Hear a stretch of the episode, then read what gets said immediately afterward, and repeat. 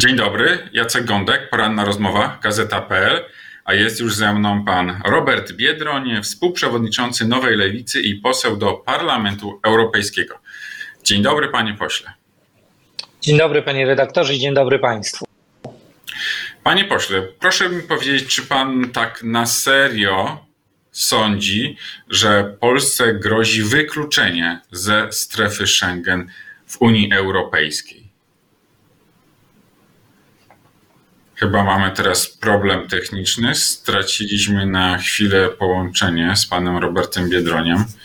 Mam nadzieję, że za chwilę już się uda to połączenie przywrócić i pan Robert Biedroń prosto z Brukseli będzie także z nami. A jeśli za chwilę się pojawi, to oczywiście porozmawiamy o takim ryzyku. Pytanie, czy ono jest realne. Wykluczenia Polski ze strefy Schengen, ale będziemy rozmawiać również o polityce krajowej. Ta afera wizowa, ona zatacza takie kręgi dużo szersze niż sama Polska, ale ma też zapewne jakiś wpływ na polską kampanię wyborczą. Uderza w prawo i sprawiedliwość, chociaż sztabowcy Prawa i Sprawiedliwości mówią, że już z tego kryzysu powoli wychodzą. Opozycja, między innymi Nowa Lewica nie chce jednak, aby PiS uciekało do przodu, cały czas drąży tę sprawę. Jak słyszę, Robert Biedroń już za sekundkę powinien być z nami. dzień dobry, przepraszam. Już jesteśmy ponownie. Pozdrawiam z Brukseli. Nie wiem, jakie złe moce nad nami wiszą, że przerywają nam y, to spotkanie. Ale wiszą chyba też dobre, skoro to połączenie udało się nam jednak przewrócić. Panie Robercie, dzień Jest. dobry raz jeszcze. Dzień dobry, panie redaktorze, dzień dobry państwu. Panie pośle, niech pan powie, czy pan tak na serio sądzi, że Polska może zostać wykluczona albo zawieszona e, w strefie Schengen, tak, że po prostu granice Polski z innymi państwami Unii Europejskiej po prostu będą zamknięte tak jak przed momentem, kiedy weszliśmy do Unii Europejskiej. Panie redaktorze, szanowni państwo, y, wszystko jest możliwe. Jeżeli my sobie w naszych głowach nie jesteśmy w stanie tego wyobrazić, to ja przypomnę, że takie historie już się zdarzały w strefie Schengen. Przypomnę, że y, Rumunia i Bułgaria nie są w strefie Schengen właśnie między innymi dlatego, że y, system wydawania wiz przez wiele lat w obu tych krajach był nietransparentny. Ale panie pośle, Rumunia, Bułgaria to w zasadzie nie należały nigdy do strefy Schengen. Dopiero no, w no tym właśnie. roku mogą przystąpić po prostu no, do tejże strefy.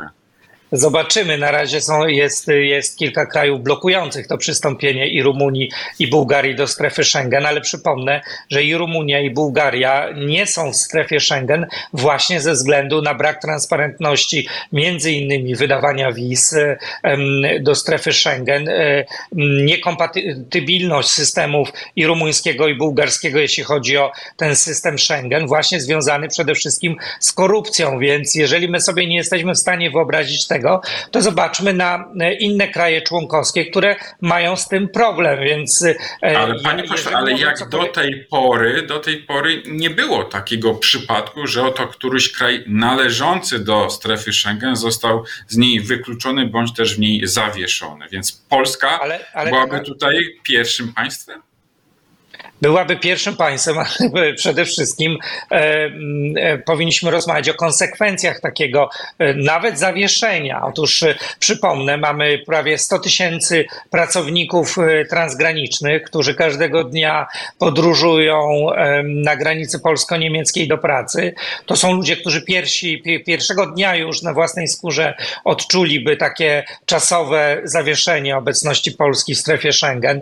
Te kontrole graniczne, które dziś dzisiaj y, zapowiada y, rząd Niemiec, stałyby się kontrolami jeszcze bardziej y, przecież zorganizowanymi, jeszcze bardziej restrykcyjnymi. Ale panie pośle, ale panie pośle, pan troszkę tutaj straszy, a Gazeta.pl zapytała eksperta, profesora Roberta Grzeszczaka, prawnika, znawcę spraw europejskich z Uniwersytetu Warszawskiego. I profesor Grzeszczak mówi, że do wykluczenia lub zawieszenia Polski w strefie Schengen raczej nie dojdzie. Zrujnowałoby Ale... to cały system, którego Polska jest wciąż integralną częścią. Więc to wedle eksperta jest perspektywa raczej niemożliwe. Ja też, ja, ale ja też nie powiedziałem, że tego dojdzie. Ja tylko mówię o konsekwencjach takiego zawieszenia lub y, takiego wykluczenia ze strefy Schengen. Ja mam nadzieję, że nie dojdzie, ale patrząc na to, e, w jaki e, niezdarny sposób PiS próbuje ten, e, ten problem, tę, tę bombę rozbroić, bo jest to, to prawda, to jest bomba atomowa przecież, takie zawieszenie czy wykluczenie ze strefy Schengen. Ja mam poważne wątpliwości, czy wcześniej czy, wcześniej lub później nie dojdzie do samoizolacji Polski. Na czym ona miałaby polegać? No na tym, że wszystkie kraje w naszym otoczeniu e, Unii Europejskiej wprowadzą e, na początek czasowe kontrole. I nie będą to tylko Niemcy, którzy właśnie albo dzisiaj, albo w najbliższych dniach będą chcieli wprowadzić takie kontrole na granicach, ale będą to też inne kraje członkowskie, które ze względu na ochronę swojego bezpieczeństwa przed e, nieporadnością rządu Prawa i Sprawiedliwości będą po prostu prostu się próbowały chronić przed takim niebezpieczeństwem. Ale strona polska, rząd Prawa i Sprawiedliwości też mówi o takiej perspektywie wprowadzenia kontroli na granicach, o kontroli na granicy ze Słowacją, bo tamtędy ma przebiegać nowy szlak e, przerzutu e, migrantów i też nawet rzecznik Prawa i Sprawiedliwości Rafał Bochenek wspomniał o tym, że Polska może wprowadzić jakieś kontrole na granicy z Niemcami, bo to na przykład e, na naszą stronę granicy migranci mają przenikać, a też Niemcy, jak mówi Bochenek, bardzo często udają się do Polski na jakieś zakupy bądź też po paliwo. To jest odwracanie kota ogonem, panie redaktorze. To jest próba oczywiście zrzucenia odpowiedzialności za bagatelizowanie naszego bezpieczeństwa, Polek i Polaków, na innych. To jest typowe działanie PiSu, który jak nie radzi sobie z jakimś problemem, to oczywiście szuka wrogów w Niemczech, w Ukrainie, e, w, w, wszystkich, u wszystkich innych, tylko nie u samych siebie. Ja przypomnę, polskie wizy nadal można za pomocą bezpośredników kupować za granicą nadal istnieje poważne ryzyko, że bez odpowiedniej kontroli wydawane są wizy dla osób, które nie powinny nigdy wjechać na teren Unii Europejskiej do strefy Schengen. Przypomnę też, że Prawo i Sprawiedliwość e, do dzisiaj nie wytłumaczyło się z tej e, afery wizowej, jeśli chodzi o mafię wizową. E, pan minister Rał, który powinien dzisiaj stanąć przed kamerami, objechać stolice państw członkowskich Unii Europejskiej, E, stabilizując tą sytuację, chłodząc te wszystkie emocje. Jeżeli e, e, pan minister Rał gdzieś się chowa, nie wychodzi przed kamery. Przypomnę dzisiaj. Ale panie pośle, minister Zbigniew Rał, szef MSZ-u, mówi, że nie ma żadnej afery. Nie ma. No wiem, no, no więc to bagatelizowanie, panie redaktorze, jest najbardziej niebezpieczne, bo ono może doprowadzić do całkowitego wykluczenia Polski, jeśli chodzi o ten system wizowy. I to już nie będzie tylko political fiction, ale stanie się political reality, w którym będziemy żyli. I, e, A to w takim razie, je... panie pośle, ale tak konkretnie, bo pan mówi o tym ryzyku użycia tej broni atomowej, czyli wykluczenie bądź zawieszenie Polski w strefie Schengen, to jakby pan ocenił takie prawdopodobieństwo, ryzyko, że to się stanie? To jest jeden promil, to jest 10%, 99% w Pana ocenie? E, panie redaktorze, na dzisiaj to ryzyko się zwiększa. Jak pan y, y, otworzy europejskie gazety, na przykład dzisiejszą, dzisiejsze wydanie Politico, to wszędzie pan przeczyta o tym skandalu wizowym. No, to będzie wpływało na postawy polityków. To jeżeli, jeżeli obywatele innych krajów Unii Europejskiej będą czuli się zagrożeni tym, że w sposób niekontrolowany przez Polskę przyjeżdżają osoby, które nie powinny nigdy do tego być uprawnione, będą naciskali na swoich polityków, żeby ci odpowiednio reagowali, żeby chronili granice z y, poszczególnych krajów przed y, szaleństwem, które funduje im polski rząd, wpuszczając w niekontrolowany sposób tych ludzi. Przecież to jest naturalny mechanizm. Więc jeżeli polski rząd nie pójdzie po rozum do głowy, jeżeli nie zacznie działać, nie oskarżając innych na lewo i prawo, ale y, wprowadzając system, który będzie szczelny, który będzie transparentny, który będzie doprowadzi do tego, że te wnioski wizowe będą wydawane zgodnie z regułami strefy Schengen i kodeksem wizowym e, e, Unii Europejskiej, wtedy, ta, ta, e, wtedy tego typu postawy polityków ben, no, no, no, będą, będą chłodniejsze. Dzisiaj niestety tak nie jest. No, wszystko wskazuje na to, że w ciągu najbliższych kilku, kilkunastu godzin Niemcy zamkną granicę z Polską. Pan redaktor zdaje sobie sprawę z tego, co to oznacza w praktyce dla Polek i Polaków. Oznacza Ale to. panie pośle, Nie- Niemcy owszem mogą mieć takie plany, prasa e, o tym e, pisze, ale to, to będą takie kontrole na granicach, które w zasadzie w Europie nie są niczym nadzwyczajnym, bo to też inne państwa bardzo często wprowadzają takie czasowe kontrole, zwiększone kontrole na granicach. To się dzieje, to jest w zasadzie norma. Tylko y, to nie jest norma po pierwsze, ponieważ żeby prowadzić takie kontrole potrzebne jest zezwolenie m, y, na wniosek Komisji Europejskiej. Rada Europejska podejmuje takie decyzje. Y, One może, ono może być ważne tylko 6 miesięcy, więc y, ono jest obwarowane ym, realnym ryzykiem związanym z, y, z pewnymi zagrożeniami i to nie tylko związanymi z migracją, ale na przykład kiedy odbywają się ważne szczyty europejskie, także na przykład w Hiszpanii takie kontrole e, będą wprowadzone na granicach e, hiszpańsko-francuskiej, więc takie, takie, takie, e, takie kontrole są, są oczywiście, tylko panie redaktorze, one są wprowadzane w momencie, kiedy jest realne ryzyko. No, e, widocznie jest realne ryzyko związane z nietransparentnym systemem wydawania wiz przez polski rząd, który to bagatelizuje, e, jeśli, e, jeśli chodzi o wprowadzenie tych kontrol. No to jest naprawdę bardzo poważna sprawa. Jeśli pan mówi, że to jest sytuacja normalna, to ja chciałbym przypomnieć, że jeszcze raz, że w Polsce każdego dnia na teren Niemiec wjeżdża prawie 100 tysięcy Polaków pracujących tam. Jeżeli to dotknie ich realnie, panie redaktorze, to dotknie realnie tych wszystkich kierowców e, ciężarówek, to dotknie wszystkich podróżujących, bo te kontrole, nawet jeśli będą wyrywkowe i będą czasowe, one będą mimo wszystko uderzały w, między innymi w obywateli Rzeczpospolitej Polskiej. Panie pośle, tak przechodząc już do samej kampanii wyborczej w Polsce, to chciałem, żebyśmy obejrzeli fragment pana wystąpienia na Campus Polska Przyszłości, czyli imprezie organizowanej przez prezydenta Warszawy Rafała Trzaskowskiego. Miał pan tam barwne wystąpienie. Zobaczmy fragment. Ja uważam, że w 2023 roku gadanie o związkach partnerskich jest po prostu oldschoolowe. To jest obciach.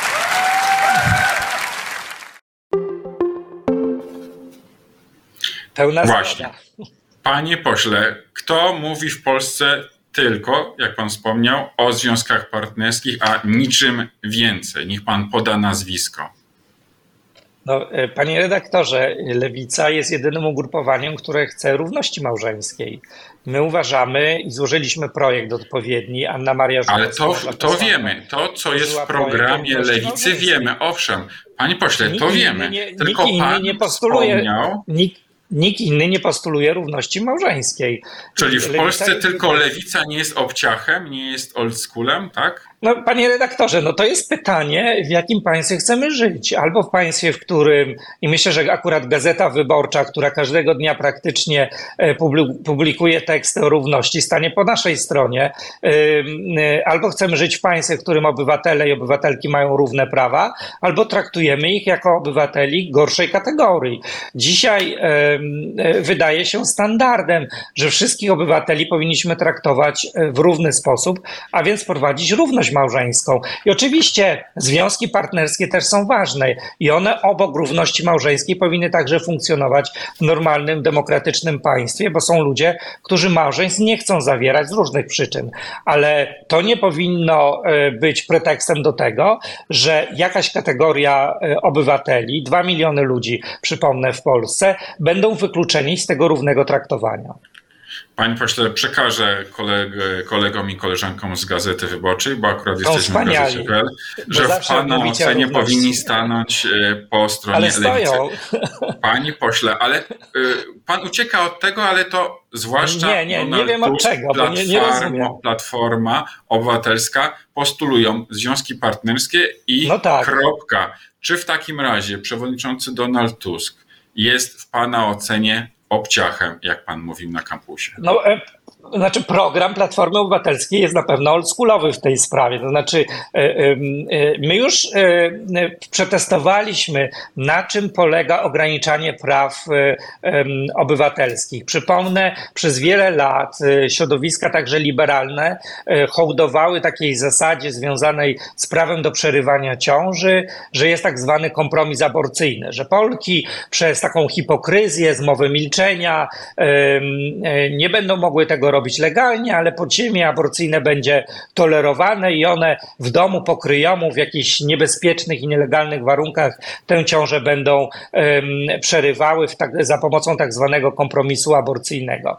Dzisiaj e, wiemy, że to był wielki błąd. Wykorzystał to Kaczyński, ponieważ nie wprowadziliśmy tego europejskiego standardu, w którym e, to e, kobieta decyduje o swoim życiu i ciele, do naszego prawa. I to samo ze związ- e, z małżeństwami. Znaczy, jeżeli pójdziemy na protezy i będziemy traktowali dużą część naszego społeczeństwa, dwa miliony ludzi, jak drugą kategorię obywateli, to zapłacimy wcześniej czy później tego cenę, bo przyjdzie Kaczyński i nadal będzie straszył gejami, lesbijkami, osobami Ale, trans, pośle, pan de facto prostu za mówi- drugą kategorię. Pan de facto mówi, że Platforma Obywatelska, Trzecia Droga to traktują Nie. e, osoby ze społeczności LGBT jako obywateli drugiej kategorii.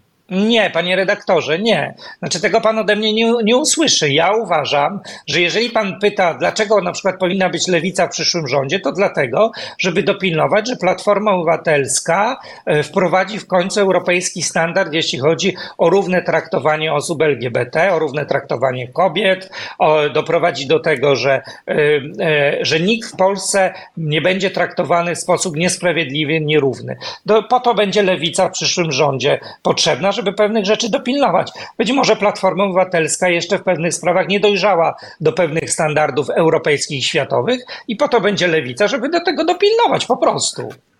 Panie pośle, ale teraz proszę konkret. Czy pan e, jest za tym i pan jest rad na taką wizję, że oto Donald Tusk będzie premierem rządu obecnej opozycji i jeśli e, opozycja wygra wybory? Nie wciągnie mnie pan, panie redaktorze, w takie, e, w takie Ale- dywagacje, ponieważ to sam Ale Donald pan Tusk jest przecież odważnym człowiekiem. E, Jest, Niech pan dziękuję. odpowie po prostu prosto na proste pytanie. Jestem.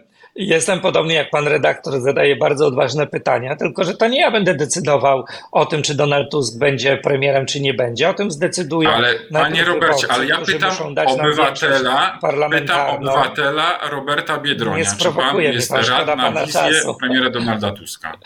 Szkoda pana czasu, panie redaktorze. Czyli jednak nie jest pan aż tak odważny, żeby odpowiedzieć na proste pytanie. Panie redaktorze, to jest rzecz dzisiaj drugorzędna. To znaczy, dzisiaj najważniejsze dla opozycji jest wygrać te wybory. Dzisiaj najważniejsze jest, żeby 1 października wysłać sygnał do całego społeczeństwa, że jesteśmy gotowi w tych wyborach iść obok siebie jako opozycja demokratyczna, a po wyborach e, e, współrządzić. I z takim apelem też 1 października e, pójdzie lewica na ten marsz. My chcemy łączyć ponad podziałami całą opozycję demokratyczną, a kto zostanie premierem, zdecydujemy po wyborach, jak je wygramy. To nie jest czas na dzielenie skóry na niedźwiedziu, to jest y, czas podejmowania decyzji wyborczych, których mobilizujemy przede wszystkim tych nieprzekonanych jeszcze, którzy nie chcą iść na wybory albo którzy nie wiedzą jeszcze na kogo zagłosować, żeby poszli i zagłosowali na jedną z opozycyjnych partii. A w moim oczywiście marzeniu mam nadzieję, że ludzie mają przede wszystkim serce po lewej stronie i zagłosują na lewicę. Wspomniał pan o marszu, o marszu Miliona Serc organizowanym przez Platformę Obywatelską 1 października. Pan będzie wtedy maszerował i będzie pan na scenie? Będę e, 1 października. Czy będę na scenie, panie redaktorze? To najmniej ważne. Najważniejsze jest, żebyśmy tam pokazali ponad podziałami, że ze sobą współpracujemy. Oczywiście ważne jest, żebyśmy wysłali też sygnał, że jesteśmy razem i potrafimy ze sobą rozmawiać i traktujemy się jak partnerzy e, na opozycji. Myślę, że tak się stanie, że na tej scenie spotkamy się e, i e, nie tylko z Donaldem Tuskiem, ale także z innymi liderami i liderkami opozycji demokratycznej. Będę na pewno ja i Włodek Czarzasty mm, na tym marszu jako liderzy lewicy i myślę, że to jest ważne, żeby wykorzystać ten moment do tego, także żeby zadeklarować, że chcemy pod podpisać pakt sejmowy, czyli deklarację o tym, że po wygranych wyborach będziemy współrządzili jako wszystkie ugrupowania opozycji demokratycznej. Panie pośle, ale y, było konkretne zaproszenie dla pana i dla Włodzimierza Czarzastego do tego, abyście panowie byli na scenie, bo maszerować każdy może, ale jak się pokazuje, że jest się partnerem, to jest się razem ramię w ramię na scenie. Nie było, panie redaktorze, takiego zaproszenia, żebyśmy byli na scenie, ale oczywiście, jeżeli takie zaproszenie jest, czy ono będzie, to oczywiście my będziemy na tej scenie. To, do tego ja nie mam żadnych wątpliwości. My uważamy, że y, trzeba szukać wszystkich możliwości, gdzie ze sobą współpracujemy, gdzie deklarujemy chęć bycia razem, pokazywania, że chcemy razem współrządzić po tych wyborach. I oczywiście, że jeżeli takie zaproszenie padnie, czy, y, czy publicznie, czy, czy prywatnie, czy y, jakoś osobiście, czy nie osobiście, oczywiście, że my z Włodkiem Czarzastym będziemy i będziemy pokazywali tę chęć współpracy, bo ona taka jest po stronie lewicy. Ale czy to byłby taki jasny, oczywisty znak, że oto opozycja jest razem, jeśli stana, staniecie razem na scenie? Bo jeśli jest jedna gwiazda, Donald Tusk na scenie, a reszta opozycji sobie tylko maszeruje, no to widać, że to nie są relacje partnerskie. No, to był błąd według mnie tego ostatniego marszu, gdzie jeden stał na scenie, dwóch e, na autobusie, e, a inni się chowali w krzakach. Myślę, że to nie, e, nie pomogło opozycji. Zresztą widać było, że po tym ostatnim marszu opozycja straciła. Myślę, że także przez to, że w nieumiejętny sposób pokazano tą chęć współpracy. My tam byliśmy jako liderzy lewicy i będziemy także w najbliższą niedzielę. Mam nadzieję, że wykorzystają organizatorzy ten marsz do tego, żeby wysłać jasny sygnał, że opozycja jest gotowa do współpracy i do współrządzenia. Panie pośle, akurat 4 czerwca to nie wyglądało właśnie na chęć współpracy, ale raczej chęć e, skonsumowania No, z naszej- elektoratu e, innych formacji opozycyjnych przez Platformę Obywatelską. Tak to w praktyce No tak, ale, no ale my jako opozycja zrobiliśmy wszystko lewicowa, żeby e, pokazać chęć współpracy. Byliśmy gotowi, byliśmy e, na, na różnego rodzaju deklaracje. Jesteśmy od ponad pół roku, deklarujemy chęć podpisania paktu sejmowego, czyli deklaracją minimum programowym i chęci współrządzenia po No i wygranych dostajecie wyborach. czarną polewkę, bo Platforma nie chce Uważam, niczego takiego z wami podpisywać. Uważam, że to błąd. Uważam, że to nie pomaga opozycji, że e, wyborcy chcą usłyszeć od nas deklaracji współpracy, chcą widzieć nas jak najczęściej, nie tylko na scenie, ale e, przy różnego rodzaju wydarzeniach. I jeszcze raz podkreślę, ja i Włodek Czarzasty jesteśmy gotowi do takiej współpracy. Panie pośle, Zielona Granica to film, najnowszy film Agnieszki Holland. Nie wiem, czy pan miał okazję zobaczyć tę produkcję już? Jeszcze nie, ale mogę u pana redaktora zadeklarować, że w najbliższym czasie będzie pokaz specjalny w Parlamencie Europejskim tego filmu. Właśnie jesteśmy w kontakcie z dystrybutorem i chcemy pokazać e, europejskiej także publiczności tutaj, w Europejskiej Świątyni Demokracji, ten ważny dla, mm, dla ludzkości według mnie, dla, dla wszystkich ludzi dobrej woli, wrażliwych na drugiego człowieka ten film. Więc w Parlamencie Europejskim odbędzie się specjalny pokaz filmu Agnieszki Holland Zielona Granica. Jeśli słucham e, polityków Prawa i Sprawiedliwości, ale też na przykład związkowców ze Straży Granicznej, no to e, którzy mówią, że tylko świnie siedzą w kinie na tym filmie, no to by z tego wynikało, że cały Parlament Europejski będzie pełny świniaków oglądających ten film. Panie redaktorze, jeżeli e, obejrzawszy, przez to, że obejrzę film Agnieszki Holland, która jest genialną reżyserką, wielokrotnie nagradzaną, naszym dobrem narodowym, stanie się, stanę się częścią tego świńskiego grona, to chętnie zostanę tą świnią.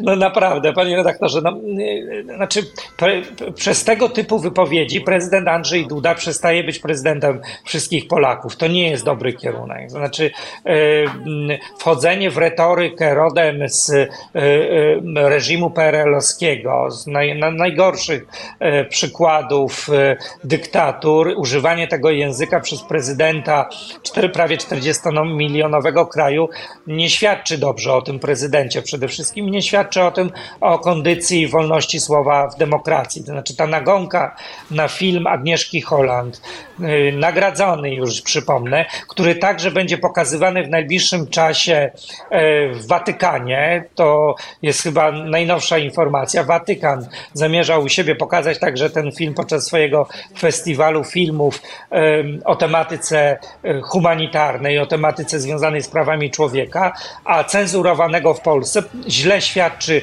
o Polsce, a coraz lepiej o Watykanie. Pada to ze słów y, ateisty, ze słów lewicowca. Naprawdę, jeżeli Watykan okazuje się bardziej wrażliwy na prawa człowieka, na wykluczenie niż e, e, rząd Prawa i Sprawiedliwości, to naprawdę powinni się zastanowić, co najlepszego robią.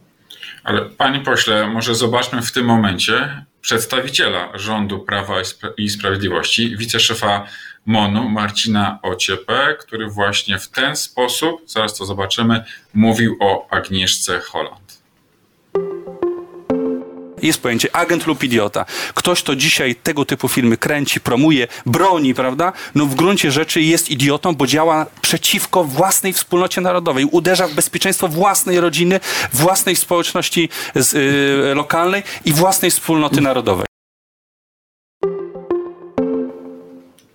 Państwo Właśnie, agentka, materiały. Panie, ag- ag- przepraszam, panie redaktorze, ale to chyba nie był Tak? ten materiał, bo to chyba była jakieś, jak, z jakiejś kroniki filmowej z lat 50. z okresu stalinowskiego, chyba jakiś polityk.